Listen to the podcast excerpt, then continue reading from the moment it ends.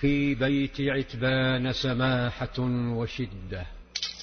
بعد أن أصبحت الدولة الإسلامية أقوى أصبح المنافقون في حالة نفسية بالغة السوء فقد دحر الله أصدقاءهم يهود وصاروا يسمعون كل يوم عن هزيمة لإخوتهم الوثنيين. لكن مجالسهم كانت تنز بحقد لا يمكن تجاهله. بحقد أسود تمنى الصحابة لو حدد القائد صلى الله عليه وسلم موقفه منه. فذات يوم شعر أنصاري من أهل بدر اسمه عتبان بن مالك شعر بضعف بصره ضعفا أثقل عليه الذهاب إلى المسجد.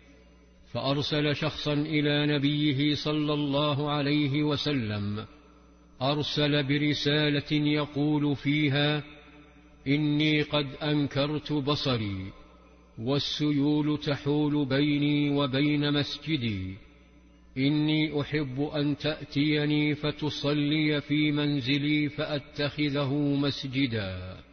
لبى النبي صلى الله عليه وسلم دعوة صاحبه فنهض ومر على وزيره الأول أبي بكر الصديق فأخذه معه وسارا نحو بيت عتبان عبرا مجرى الوادي ثم واصلا نحو حي عتبان وسط حفاوة الطرقات واكتحال عيون الشعب بطلعة قائدهم صلى الله عليه وسلم وصاحبه كثرت الالتفاتات والهمسات في الحي.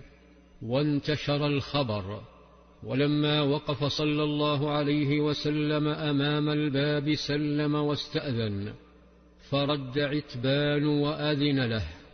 دخل صلى الله عليه وسلم.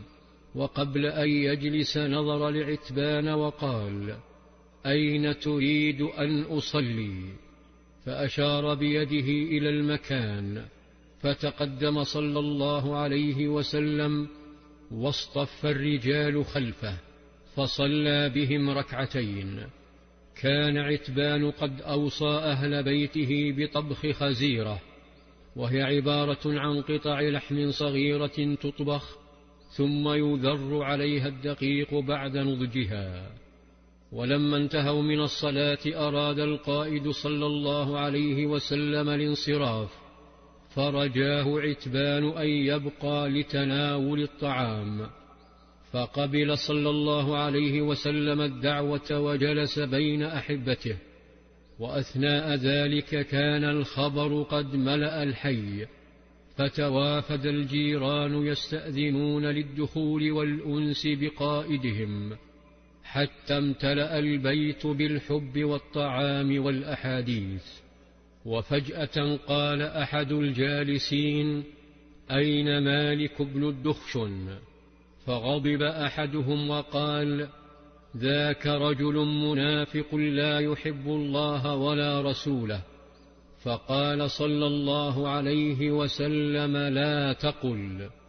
هو يقول لا إله إلا الله يبتغي بذلك وجه الله. فقال الرجل يا رسول الله أما نحن فنرى وجهه وحديثه إلى المنافقين.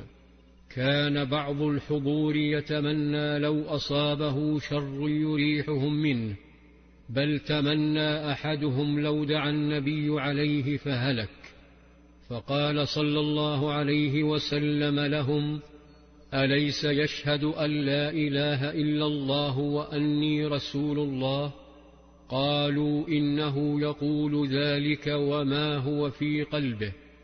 فقال صلى الله عليه وسلم لا يشهد أحد أن لا إله إلا الله وأني رسول الله فيدخل النار. شعر الصحابة بخطورة اقتحام النوايا.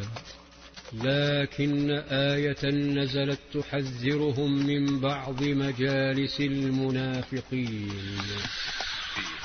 في ظلال السيرة.